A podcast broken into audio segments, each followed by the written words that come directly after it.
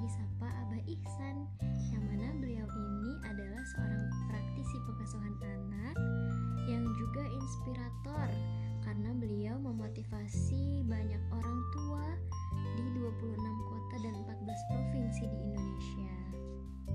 Nah, Abah Ihsan ini di dalam bukunya ada satu bab tentang mengelola nasihat. Jadi nih sekarang ini banyak ya remaja yang Salah satu sebabnya itu gara-gara panas telinganya mendengar ceramah orang tuanya terus. Dia hampir-hampir gak ada waktu, gak ada tempat untuk dia bisa mengungkapkan perasaannya sendiri. Nah, kalau udah kayak gitu, harga dirinya terluka ya. Setelah itu, bisa ditebak dong, dia pasti berkelana mencari penyembuh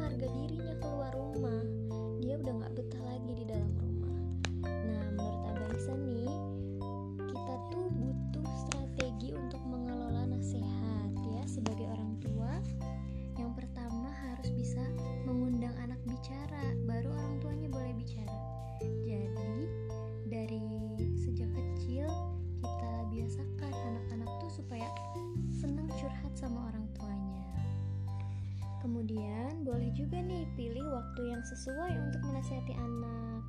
Misalnya ketika mereka jalan-jalan di atas kendaraan atau ketika waktu makan. Karena dua waktu ini tuh kondisinya tuh saat pikiran anak tuh lagi rileks. Terus ketika anak sakit, kalau orang tua aja bisa lembut hatinya karena sakit, anak pun sama bisa lebih lembut lagi hatinya karena sakit. Saat sakit itu kan sentuhan fisik, dan sentuhan mental. Nah, dia benar-benar bisa siap menerima input setelah perhatian-perhatian yang diberikan sama dia. Bunda-bunda bisa juga pilih waktu sebelum tidur dan bangun tidur untuk menasehati anak.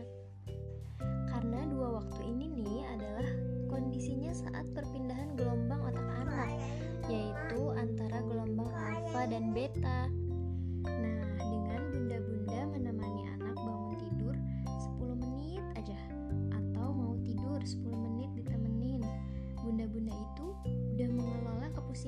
dengan lebih baik. Selain itu, bunda juga memanfaatkan waktu berharga ini untuk menginstalkan program-program positif ke dalam pikiran anak. Selain memberi ruang buat anak untuk lebih banyak cerita sama orang tua dan juga memilih waktu untuk menasihati anak, kita juga bisa memberikan pesan yang meninggikan buat anak. Setiap hari kita kasih kalimat-kalimat yang menumbuhkan kepercayaan diri mereka sehingga nanti mereka percaya dengan orang tuanya dan juga merasa dihargai oleh orang tua mereka. Gitu ya, Bunda. Jadi, ternyata kita bisa kok pelan-pelan jadi orang tua yang proaktif, orang tua yang solih, yang bisa mengantisipasi masalah, bukan hanya reaktif terhadap masalah. Segitu dulu ya, Bunda, ceritanya.